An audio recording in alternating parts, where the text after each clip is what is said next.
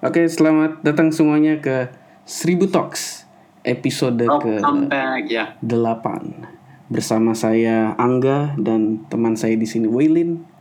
Seperti Halo. biasa kita mau ngobrolin banyak hal nih yang lagi ngetren, uh, anything about business, uh, ya pokoknya apa pun itu kita akan bahas di sini. Ya, Seru. teknologi. teknologi dan ngomongin teknologi kemarin itu saya baru baca berita tentang Malaysia ya, your country Oh, yes.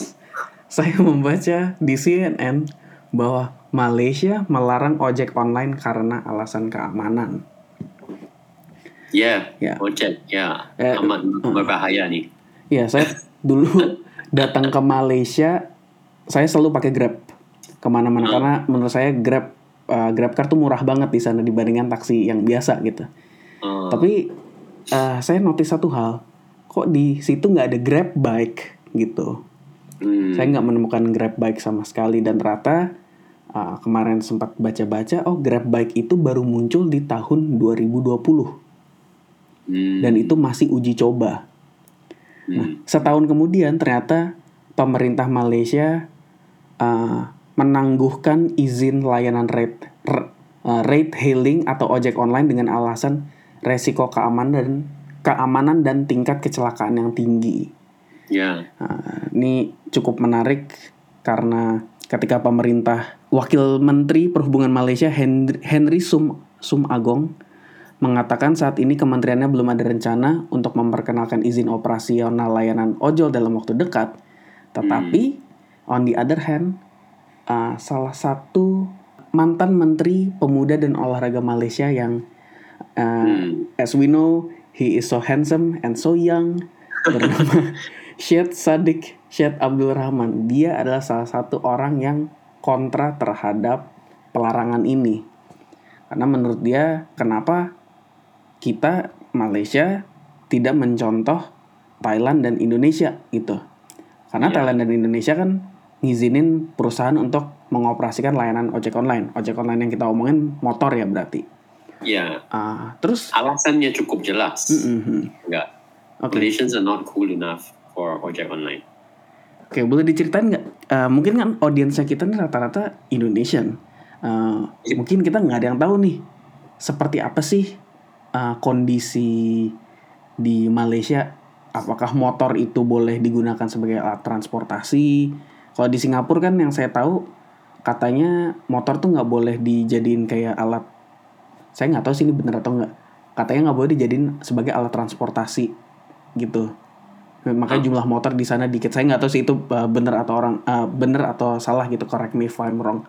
Uh, di Singapura uh, motor motor emang emang di, dipakai sebagai alat transportasi. I mean for personal transport kan. Mhm. Tapi Ya, untuk dan- kayak boncengan kayak gitu-gitu, Uh, you mean like deliveries ya? ya deliveries atau naik motor satu berdua gitu. Uh, ya yang yang terakhir tuh Mhm. uh, sebagai ojek lah. Mhm. Ya tidak ada. Oh nggak ada ya berarti kayak grab Ya. bike kayak gitu. Ya Hmm. dan Malaysia juga juga uh, tak ada. Uh. So uh, pada saya uh, mudah difaham, you know kalau kalau ada uh, kening, peningkatan kecelakaan uh, uh, ojek, I Mhm. mean motor, motor di Malaysia, kerana uh, we're not used to it. It's, it's, it's too cool. We're not that cool. We, we drive cars. We drive cheap. We drive cheap cars. Uh, we drive small cars, but we drive cars. so uh, benar ya, and I uh, sebagai you know uh, sebagai orang yang yang pernah uh, tinggal beberapa bulan di di Jakarta, I can say yeah, it's uh, very different. Yeah, very Hmm. different. Uh, tidak, saya tidak setuju lah dengan uh, ya yang berhormat. I think I should call him yang berhormat. Saya sedih uh, say that uh, you know uh, kami patut mencontohi Thailand dan Indonesia. Mhm. Uh, I don't think so. I think it's totally different. Hmm, hmm, hmm. Yeah, I think I asked this before. What is different between you know uh, Indonesia and Thailand on one side and Malaysia on the other side? Hmm, hmm, hmm. Eh, Everything is different. iya, semuanya beda sih betul betul.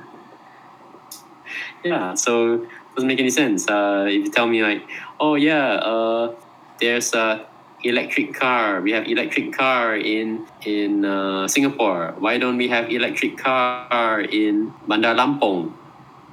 And I'll say, well, everything is different.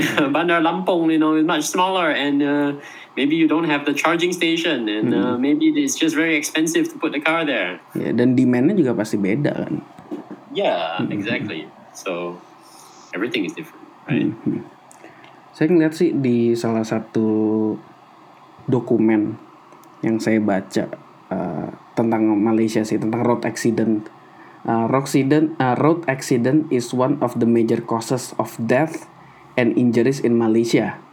Yeah. In the year 2001, the total number of road accident was 265,000 with fata- fatalities of 5,200, seriously injured 6,000 and slightly injured 30,000. Mm. It is a shocking fact that road accident kill more people in other developing developing countries too uh, every year than war and disease. Jadi Yeah. uh, tingkat kecelakaan di Malaysia cukup tinggi. Uh, Yeah. Beda banget dengan developing countries di luar dan jumlah kecelakaan atau jumlah casualties itu lebih besar daripada war and disease. Ini kan salah satu yang mungkin orang-orang juga nggak tahu gitu. Dulu di Indonesia Mm. ojek online kan sempat dilarang. Mm. Nah, tapi dilarangnya itu karena beberapa hal. Ya, Hmm. kita tahu tadi kan Pak uh, William udah bilang setiap negara tuh pasti ada regulasi berbeda-beda gitu. Yeah. Dulu di Indonesia ojol tuh dilarang satu karena uh, pemerintah inginnya ojol itu menggunakan plat kuning. Plat kuning uh, means under uh, kayak taksi lah ibaratnya jadinya. Oh. Dikontrolnya sama perusahaan swasta gitu. Nah, Yeah. pakai plat trans khusus transportasi. Kalau plat yang untuk uh, orang-orang biasa kan hitam. Nah, ini yang kuning. Hmm. Itu yang pertama. Yang kedua, banyaknya uh, ojol-ojol lokal yang nggak nggak mau pakai Gojek, nggak mau pakai Grab, itu merasa akan tersaingi. Mereka akan tersaingi karena Yeah. uh, si ojol sendiri itu kan tarifnya ditentukan oleh aplikasi. Jadi harganya pasti lebih murah kan. Sedangkan Iya. ojol-ojol pangkalan, eh ojol lagi, ojek-ojek ke pangkalan Yeah. itu mereka nentuin harganya harga tembak. Misalkan dari Iya.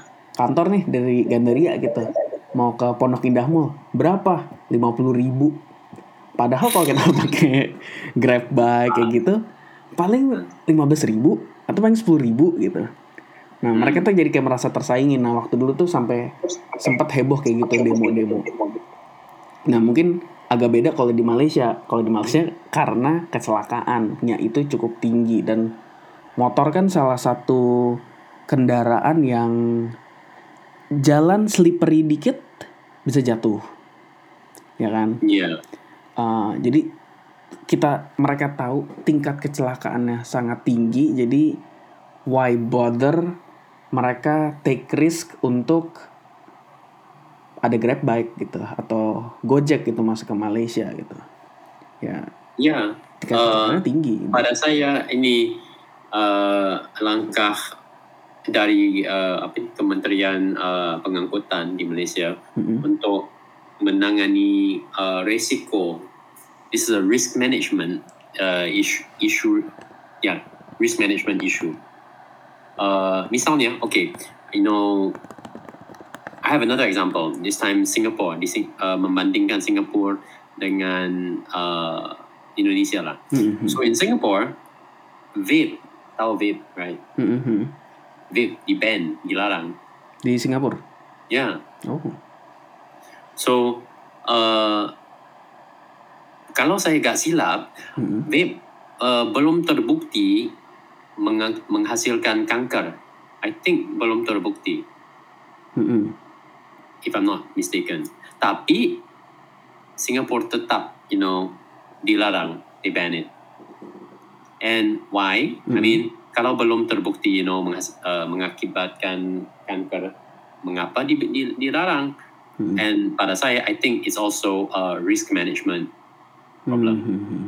So ada risikonya, we don't know yet. You know, the product is new. Uh, maybe it will, uh, maybe it will, maybe ia bisa membantu ya situasi apa ni uh, rokok di negara because ya ini merupakan satu alternatif Hmm, hmm. uh, ke you know rokok tradisional, but belum terbukti. And so you know, as a risk management uh, strategy, Hmm, hmm. di pemerintah Singapura uh, udah you know memilih opsi melarang aja. Hmm, yang penting dia nge-prevent dulu lah gitu ya. Ya, Hmm, ya. And of course, uh, I mean, whether or not uh, we agree, agree or don't agree, uh, itulah you know I think it, kami, boleh setuju, kami bila bisa memahami oh itulah uh, alasannya, right? Hmm, That's the hmm, reason. Yeah. Oke oke.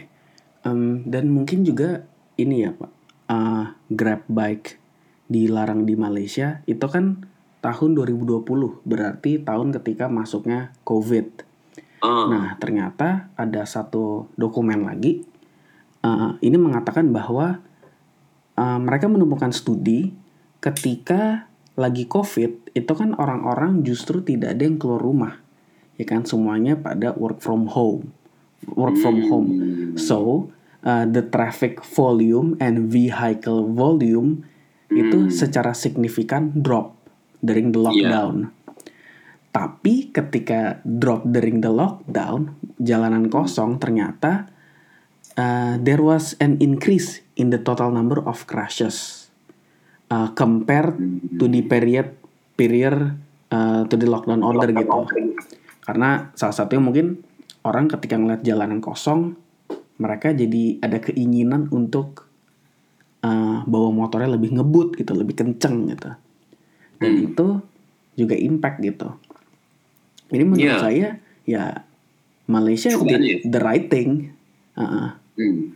ketika berita ini cukup heboh di Indonesia orang-orang Indo pada kayak oh kenapa nggak boleh ada ojek online bla bla because uh, mereka lagi prevent the risk gitu dia lagi memanage risk yang akan terjadi kan Ya, Mm-mm. ya. ya jadi menurut saya ya si ya Syed Saddiq itu uh, dia mengatakan bahwa kenapa kita nggak nyontoh Thailand dan Indonesia well you can't you cannot do that because kita memiliki peraturan yang berbeda kondisi yang berbeda dan situasi yang berbeda juga Dan gitu langsung berbeda. Mm-mm. Ya, exactly. Yes. Exactly. And uh, uh, sementara you know uh, kamu uh, beromong tadi enggak saya udah cek uh, kecelakaan di uh, USA Mm-mm. uh, tahun 2020 uh, there was a increase of 10.5 percent uh, kematian kematian naik uh, 10.5 persen walaupun uh, jumlah apa ni uh, kejauhan uh, yang dipandu I mean the number of miles driven Mm-mm. udah menurun uh, 2,1 persen Hmm, hmm, hmm. So ke- uh, kematian naik uh, 10,5 persen, tapi apa ni uh, the distance driven uh, menurun 2,1 persen. So it's amazing, you know. The it's amazing that there's less less distance driven but more deaths. Hmm. Yeah.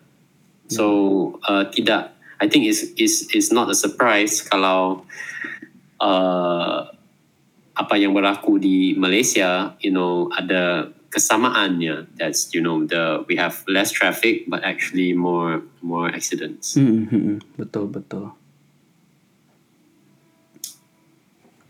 So in this uh, di zaman zaman ini, well, we are all trying to reduce risk everywhere. You know, uh, pandemic, okay, uh, reduce risk, so lockdown. Then uh, nowadays, uh, dari minggu lepas, uh, baru baru-baru aja, uh, ibu kota India, Mm-mm. New Delhi, pemerintah New Delhi, uh, uh, udah mengemuka uh, mengemukakan uh, polis baru uh, apa ni menerapkan lockdown untuk mengawal uh, kondisi uh, kualitas udara to control the air quality. Karena Ya. polusinya di sana sangat parah banget ya. Iya, Hmm. yeah. Um, they so they they actually said they want to lock down New Delhi to reduce the pollution. But I think ide ini menimbul ya karena karena uh, di, di dihasilkan oleh pandemi. So this idea only came about because they actually had a lockdown during the pandemic, and then people remember that oh wow, there's a sky, it's blue color. I forgot. Seperti episode 3 yang pas kita pertama kali ngobrol. Wah, Jakarta ada gunung. Ya ya ya ya. Eh, Jakarta ada gunung. eh siapa yang bawa nih? Who brought it in?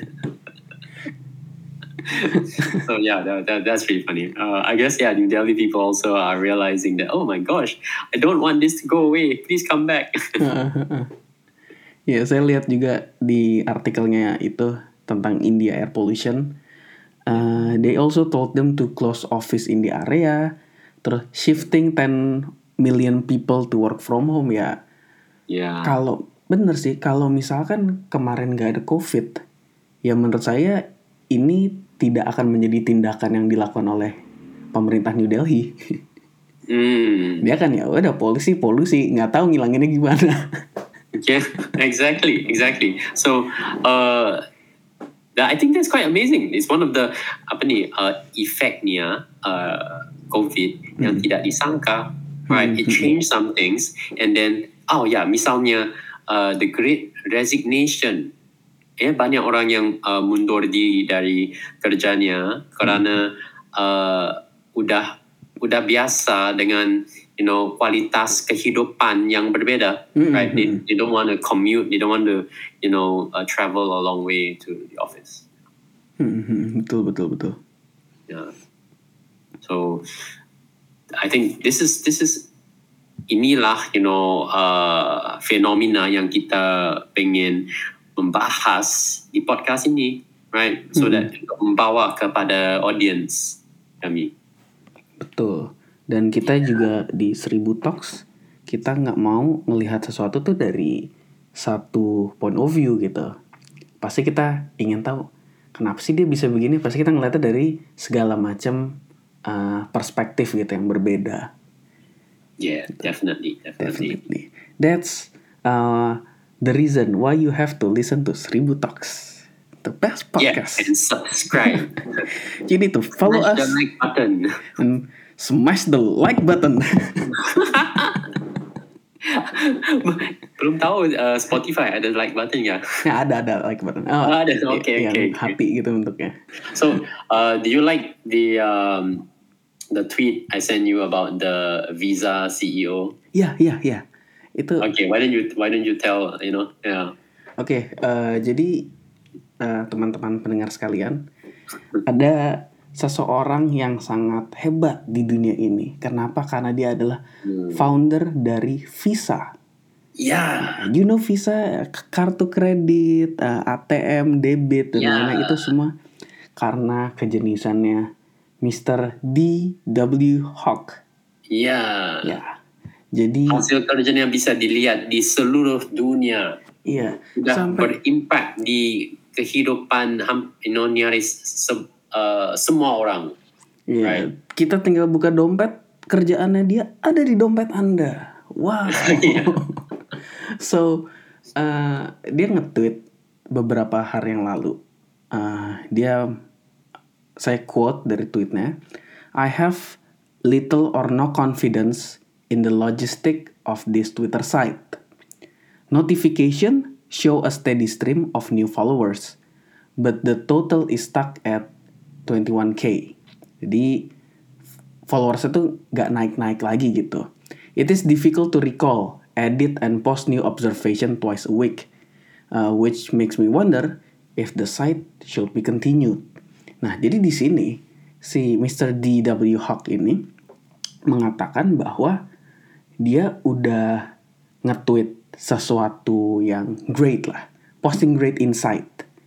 Tapi dia ngerasa kok Twitter followernya itu nyangkut gitu, nggak gerak-gerak lagi gitu. Dan salah satu orang di Twitter namanya bernama Alex Cohen, dia bilang, Sir, may I introduce you to shit posting? Jadi uh, ini cukup uh, cukup menarik sih. Kalau saya ngelihat di Twitter land di Indonesia ya, uh, banyak banget kita menyebut mereka sebagai seleb tweet. Followernya itu bisa sampai 400 ribu, 500 ribu. Dan uh, itu angka yang sangat besar loh di untuk ukuran Twitter ya. Mungkin kalau Instagram ya 500 ribu itu ukurannya uh, celebrity gitu. Yeah. Tapi 500 ribu di Twitter itu kayak wow gitu. gede Yeah, banget yeah, gitu. it's a big deal. Ya, it's big deal. Eh, dan saya penasaran uh, orang-orang ini yang bisa sampai 400 ribu, 500 ribu follower, mereka ini nge-tweet apa sih gitu. Dan apa yang membedakan sama si Mr. Hawk gitu. Uh, Mr. Hawk 21 ribu followers, dia hanya nge-tweet tentang great insight. Sedangkan orang-orang yang punya 500 ribu follower, mereka hanya shit posting. ya cuman nge-tweet sesuatu yang nggak relevan kadang-kadang kadang cuman kayak jokes meme Selfie. selfie and they get a lot of engagement Oh yeah. ya dan mungkin DW Hawk seharusnya dia mencoba gitu untuk melakukan shit posting siapa tahu followernya dari 21 ribu bisa naik gitu kan Well, uh, kalau kalau lihat ga- gambarnya, uh, beliau juga uh, nampaknya udah usianya udah lanjut. mukanya udah hopeless kayak nggak usah tinggalin aja di Twitter What is that? what is a mimi? Ya, what is a meme know it's called a meme So maybe yeah, maybe we, we should uh, give him a freelancer, uh, freelancer, social media pengelola pengelola uh, Twitter Twitter handle-nya. ya jadi admin Twitter Iya. biar dia bisa tweet yang menarik-menarik gitu Ya, uh, paling kurang dalam bahasa lah, bahasa Indonesia. He will, he will have a high high followers uh, in in Indonesia. Ya, eh, ini menarik eh, suatu hal yang menarik. Jadi ngomongin Indonesia di sosial media Twitter. Kalau misalkan warga negara asing non Indonesian ingin memiliki engagement yang besar di sosial media entah Twitter, entah Instagram atau TikTok, Hmm. cukup bawa-bawa Indonesia ke dalam kontennya. Secara instan akan naik. Kenapa? Saya kurang paham. Oh kurang paham. Jadi gini, eh dulu saya ngelihat ada salah satu band member Lamb of God, Oh, Oke. the heavy metal. ya. ya eh, heavy metal band. Dia eh, mungkin nggak begitu dikenal sama orang-orang Indonesia gitu. Ya orang Indonesia tahu Lamb of God, tapi mungkin dia nggak tahu who's the member gitu. Mhm. Ibaratnya kayak Maroon 5 yang kita tahu cuman Adam Levine. Tanya basisnya siapa, gitarisnya apa nggak tahu. Hmm, yes. Saking gak famousnya Adamnya doang yang famous. No idea. si siapa si member Lamb of God ini saya lupa yang mana Uh, dia nge-tweet sesuatu yang berbau Indonesia Oh. Uh, waktu itu dia nge-tweet cuman gini doang Uh, WK WK WK why people uh, why Indonesians laugh like this. Karena kalau kita orang Indonesia ketahuan WK WK WK gitu. Yeah, are you a yeah. Pac-Man or something? Gitu. Dan out of nowhere udah dia terkenal. Sangat terkenal tiba-tiba. Booming pada saat hari itu juga. Semua orang kayak all the Twitter world di Indonesia kayak langsung tahu dia semua. Engagementnya tinggi. Itu satu.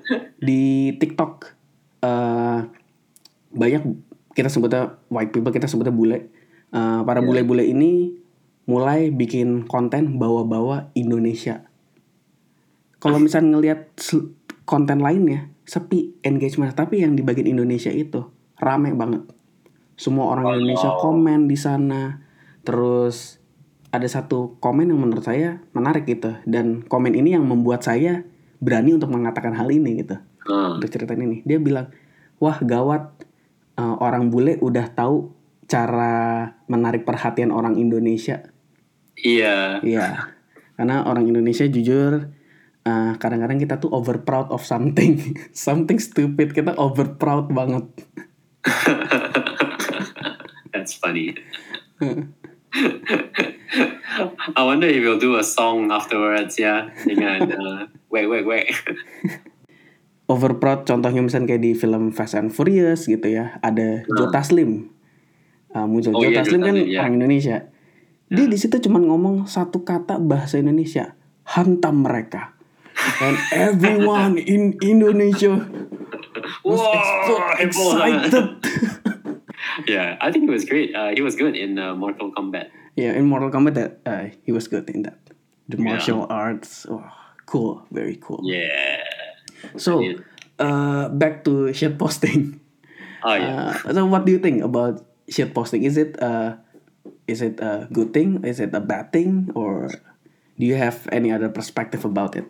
Pastinya this is online culture. Yes. Ya, ya. Kalau kita mau uh, berbudi bahasa di abad ini, Mm-mm. uh, 2000 uh, tahun 2021, kami haruslah, you know, fasih dan lancar dalam shit posting. Yes. Yes, Yes, betul. obviously. you must know all the memes and you and you must know the shit posting. Yeah, Yeah. doesn't matter if you are a founder of Visa Mm-mm. You have to know it. or yeah or uh, uh, a listener a listener of the Seribu Talks podcast. Yeah. Hmm, hmm. Ada satu portal berita cukup besar, BBC. Oh yeah. Uh, dia tahun 2019 mereka tuh nge-tweet uh, klip dari salah satu podcast populernya yaitu Brexit Cast tentang Hmm. Brexit dengan kalimat pembuka What is shit posting? Ah, kurang relevan eh. I Ya, think. dia dia ngomong What is shit posting itu di BBC kayak kenapa BBC ngebahas ini gitu. Ngapain, sih? Heeh. Ternyata dalam klip tersebut uh, ada salah satu editor politik BBC namanya Laura uh, Kunzberg. Jika Oke. saya maaf jika salah saya salah mempronounce-nya. Jadi sure. Laura ini menjelaskan shit posting. Uh, Penjelasannya tuh cukup aneh gitu untuk saya yang paham shit posting. Dia bilang kayak gini. Ya jadi shit posting itu misalkan gini ada partai politik Terus dia bikin iklan yang kelihatannya sangat shit banget deh, sampah gitu. Terus kemudian dia nge-share ke semua orang-orang secara online kayak, oh, I cannot believe how shit this is. Ya, everything, sh- sh- pokoknya kata-kata shit tuh kayak muncul terus gitu di podcast itu dan kemudian dibagi uh, share and share and share and then uh, orang itu langsung kayak pergi aja kayak haha oke job done gitu. Presenter lain juga kayak ketawain gitu gambar yang jelek ini gitu ads yang jelek dari salah satu partai ini dan mendiskusi apakah uh, berbagi shit post ini bermanfaat atau enggak gitu. Hmm, hmm, hmm. Mungkin kal uh, klip ini bisa sangat ngebantu bagi audience yang tiba-tiba mendengar istilah internet dan yang dia nggak ngerti artinya apa. Ya seperti Mr. D.W. Hawk ini. Mungkin akan sangat bermanfaat gitu. Dan itu menjadi kayak suatu upaya baik bagi BBC untuk terhubung dengan audiens yang lebih muda. Karena kan saya BBC mungkin ngerasa oh saya udah ngomongin soal shit posting. Saya dapat audiens muda nih dan langkah ke arah yang benar lah untuk mengungkapkan pembicaraan secara online gitu Yeah, but uh, enggak nobody nobody at all Mm-mm. will say that the BBC is apa nih engaged ya dengan, nobody dengan youth. Ya. Ya. Nah, tapi masalahnya except uh, no gitu. Yang didefinisikan sama si Kunzberg uh, Laura ini sebagai shit posting sama sekali bukan shit posting gitu. Jadi faktanya BBC blunder gitu. Dia menjelaskan sesuatu yang dia yakinin banget bahwa itu benar ternyata ya salah gitu artinya. Yeah, a yeah, big yeah. blunder gitu. Ada kayak salah satu uh, siapa editor teknologi Guardian, salah satu Hmm. website Guardian namanya Alex Hearn, dia nge-tweet kayak jika saya hanya memposting uh, nama gitu, Joris Bonson di tweet gitu aja Joris Bonson, terus dia klik tweet, nah itu shit post gitu.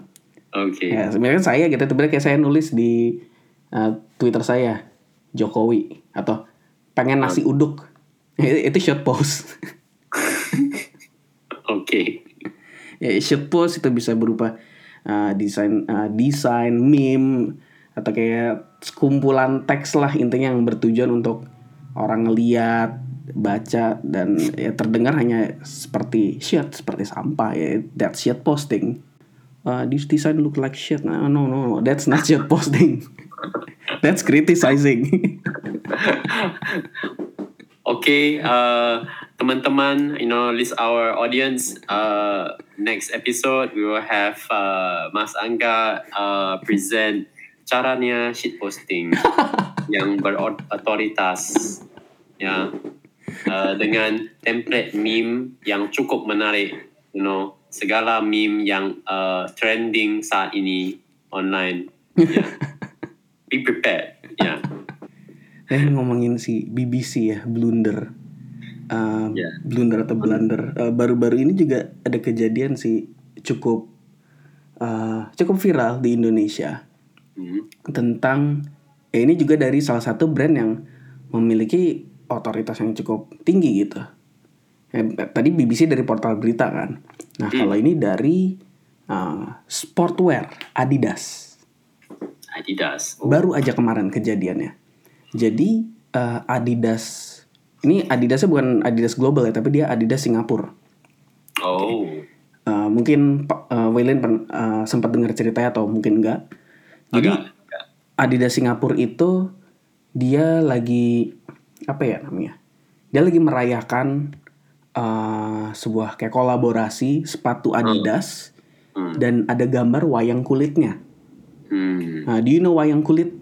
Ya, ya, of Oke, course. wayang kulit. Nah, di situ eh, tertulisnya bahwa wayang kulit adalah eh, apa dibilang eh, kultur budaya Malaysia waktu itu dibilangnya.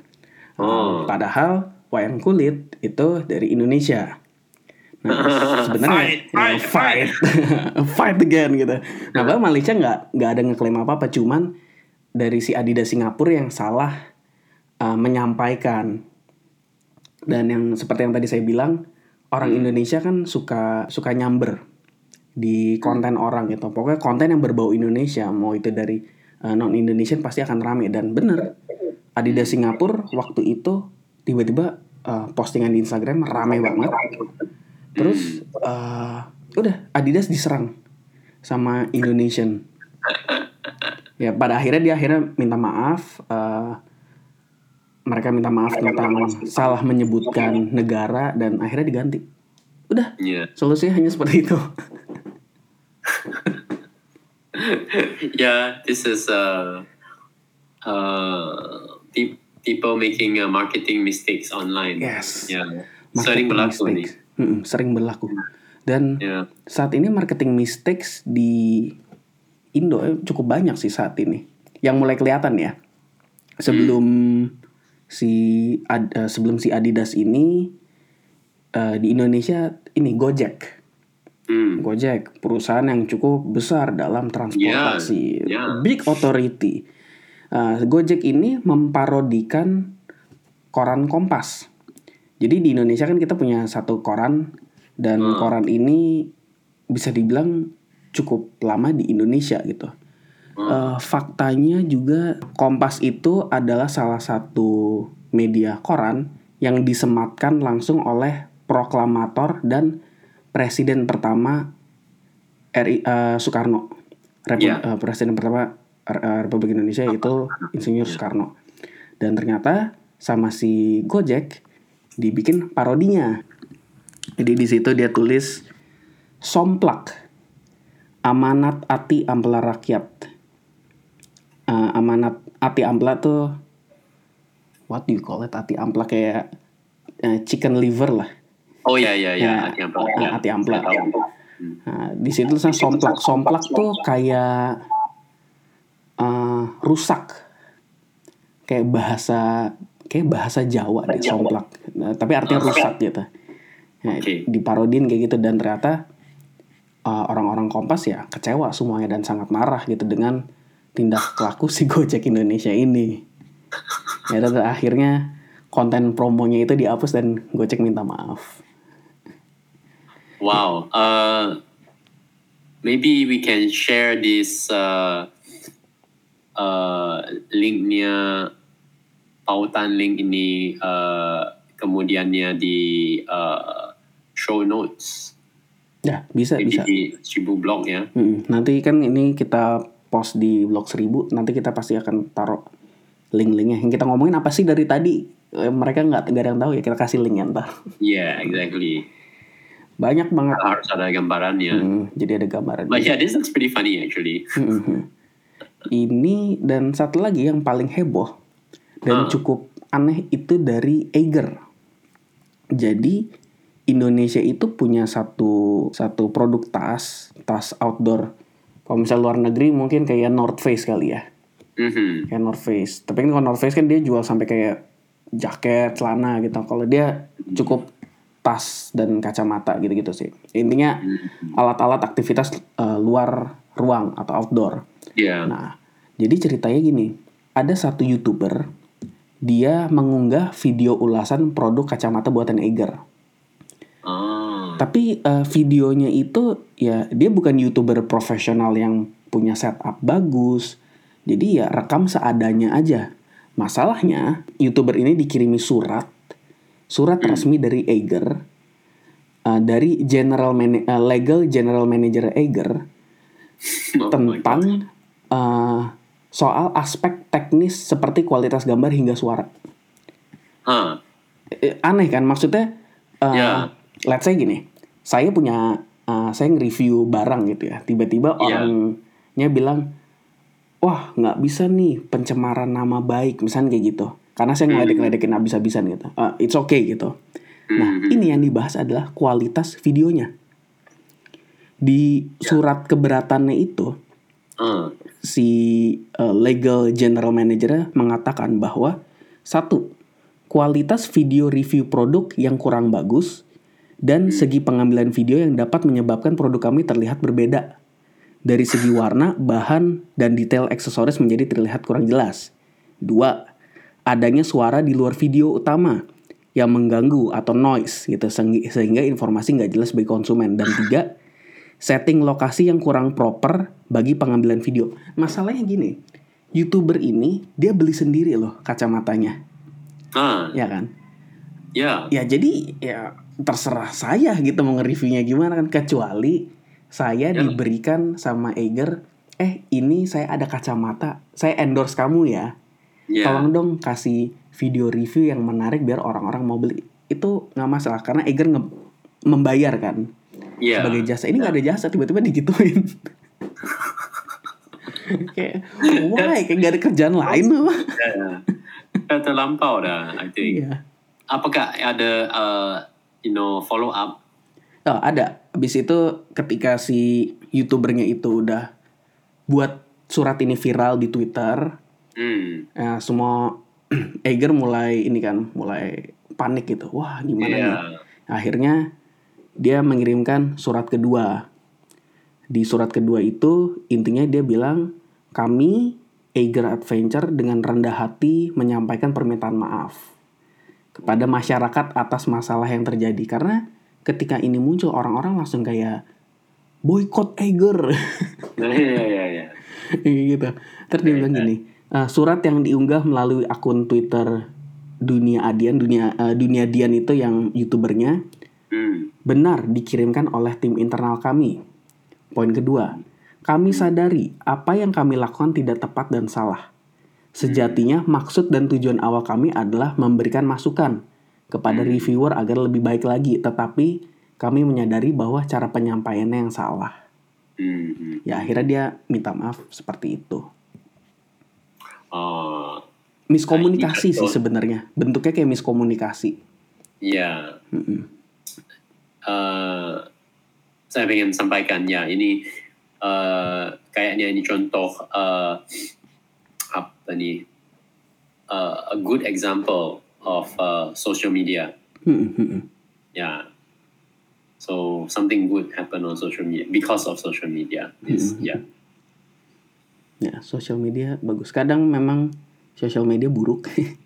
Yeah, Kadang yeah. social media Seringnya bagus. you know dikritik, you know, oh, social media so bad. But inilah uh, sa- salah satu contoh contoh uh, of the benefit of social Hmm. media. ya, seperti yang COVID tadi kita mikirnya COVID, oke, uh, they bring virus. Tapi kalau misalkan nggak ada COVID, mungkin New Delhi sampai sekarang nggak akan lakukan lockdown untuk mengurangi polusi. Ya kan? Yeah, Yeah. that's true. so, uh, Penny, uh, this is what they call uh, unintended consequences. Yes, betul betul.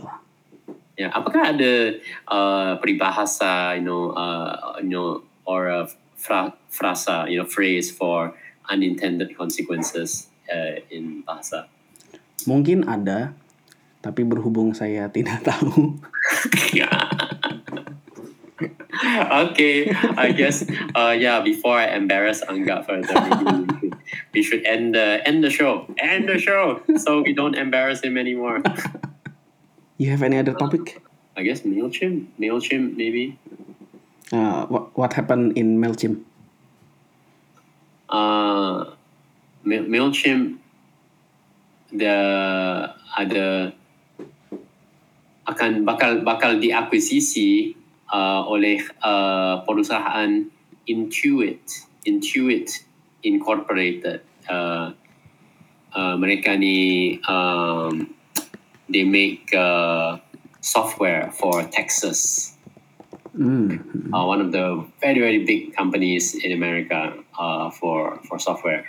Uh, so it's a tech company, but kurang terkenal Mm-hmm. because you know they don't make social media software. They don't they don't do e-commerce software. They make text software. You can't get more boring than you know text software. If it, if it's it's what's more the most boring thing is Texas. Then the next thing is tex- Texas soft, software for Texas. Oh iya. Why? Membosankan. Yeah, but they have money, Ya, they have so they want to pay 10 billion US dollars for Mailchimp. Wow. Yeah, 10, 10 Berapakah, billion. Uh, 10 billion dalam uh, rupiah ni. Berapa miliar ya? 10 billion USD to IDR. Mm-mm. 10 10 billion itu 142 miliar rupiah. Wow. Udah ya udah seharga tiket terbang ke luar angkasa. ya ya ya. I think uh, uh, saat ini ada uh, sale sale ujung tahun. So kalau dibeli uh, tiketnya akan uh, dapat dua. Ya, buy one free one. Ya, buy one free one di Harbolnas. Ya ya. Benar, yes, exactly. Perfect. Ya.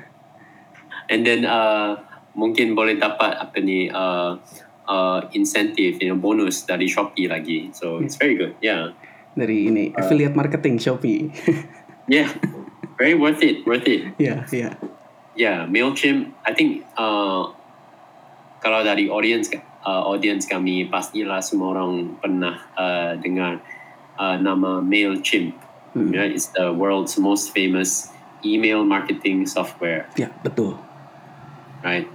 Uh, and I think kamu uh, pernahkah kamu pakai software ini, Angga? Hmm, saya Mailchimp belum sih. Saya pakainya biasanya Send in Blue.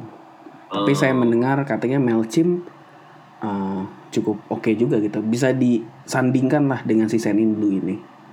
Iya, Mhm. iya. Uh, saya saya udah lihat dua-duanya, and I think yeah, Mailchimp is very nice. Uh, uh, banyak template-nya untuk you know uh, mencipta, mengubah uh, newsletter yang menarik, and uh, uh, user interface-nya cukup menarik. Mhm. Um, so I think it's not bad, and uh, mereka juga you know menghadap uh, serius uh, kepada masalah spam email so amat you know uh, gampang untuk uh, di unsubscribe Mm-mm. uh, and uh, uh, the apa ni tahukah eh, istilahnya deliverability Ah, tahu tahu. ya Tingkat. ya banyak banyak email yang tersangkut dalam spam filter kan Iya iya betul. ya tapi kalau uh, dipakai Mailchimp dan you know di uh, dilakukan you know campaign dengan hati-hati uh, dengan sewajarnya then I think your email sering bisa terlihat oleh penerima Hmm. Yeah, so uh, it's really difficult. I think they're they're they're to do a good job like this, but still, uh, it's an amazing amazing success uh, to sell for you know 142 miliar ya. Hmm, hmm, betul betul. Yeah, so that's that's big news, big news. And I wouldn't if somebody asked me to guess, uh, you know, kalau kalau Mailchimp dijual, you know, di- uh, berapakah jumlahnya, you know, uh, harga untuk penjualan Mailchimp? I I wouldn't be I wouldn't guess 10 billion. Maybe I would guess, you know, 50 million. Ya, saya juga akan mikirnya gitu, 50 million, Yeah, 100 ya, million. 100 maybe. million. But 10 billion. Itu kan 100 kali gandanya. Iya. Wow. So it's huge. I'm sure there must be like um like maybe I don't know, twenty percent of the company will be millionaires by next year. Hmm, hmm, hmm, betul betul. Yeah. Langsung So dia. that that was a pretty big deal. Yeah.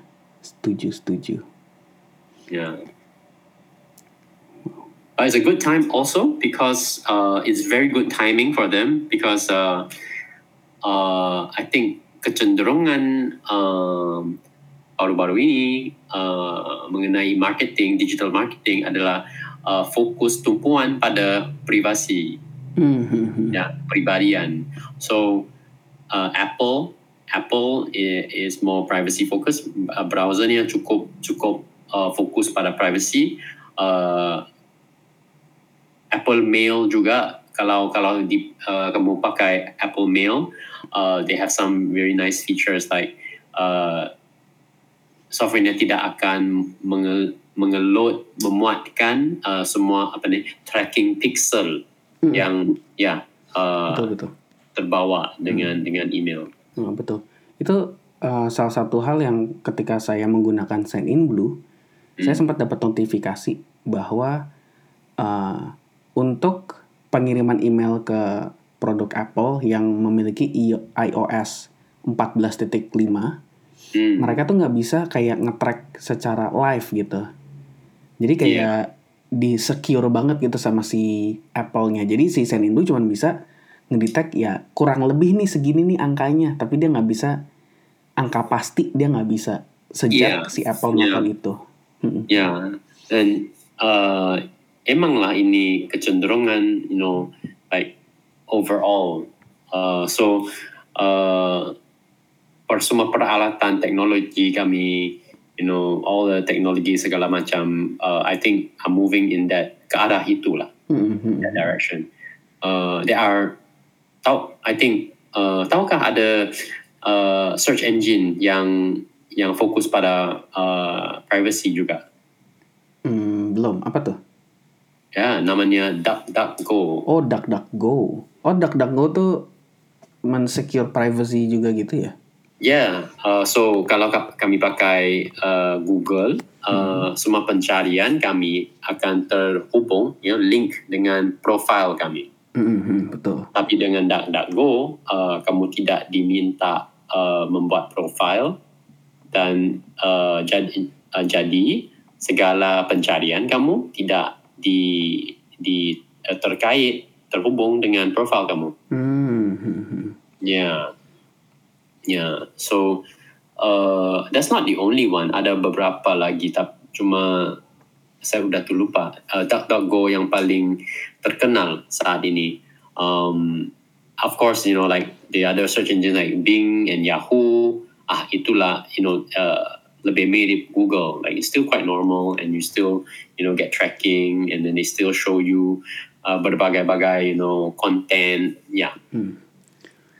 bagus sih DuckDuckGo melakukan ini ketika uh, apa namanya dia membuat search engine yang sama dengan yang lain Google dan lain-lain tapi seperti di podcast sebelumnya saya mengatakan dia bisa stand out karena memiliki satu fitur yang tidak dimiliki oleh search engine lain. Yeah. Hmm, pasti. Uh, cuma it's a that that go. Uh, perusahaan yang yang yang fokus kepada you know uh, uh, nilai-nilai ya yang yang tidak uh, how to say mainstream Hmm, hmm, hmm. Mainstream apa itu aliran uh, Kita nyebutnya tetap mainstream sih kalau di Indo. Oh, okay, thank you.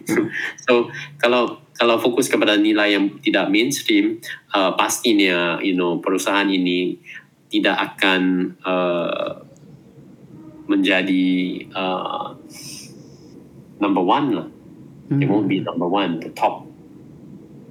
Selalunya mereka akan you know dianggap sebagai alternatif Hmm, hmm, hmm. Right. I don't think uh, saya belum pernah you know menemui uh, perusahaan yang uh, yang you know berjaya ber- ada kesuksesan you know dalam bidangnya kalau tidak uh, ter- terfokus kepada nilai yang paling utama. Hmm. Misalnya kalau search engine, okay, haruslah kamu fokus kepada you know fokus kepada menyampaikan uh, hasil pencarian yang paling berkualitas. Hmm, hmm. Right, that should be in number one, the number one uh, nilai, number one fokusnya. Hmm. Yeah. So I think that that go okay if, if they focus on the privacy pastilah boleh men, mencapai you know uh, kesuksesan, boleh menarik uh, banyak uh, pengikut. Cuma you can't be the number one. Yeah. Iya, betul. Yeah. Oke.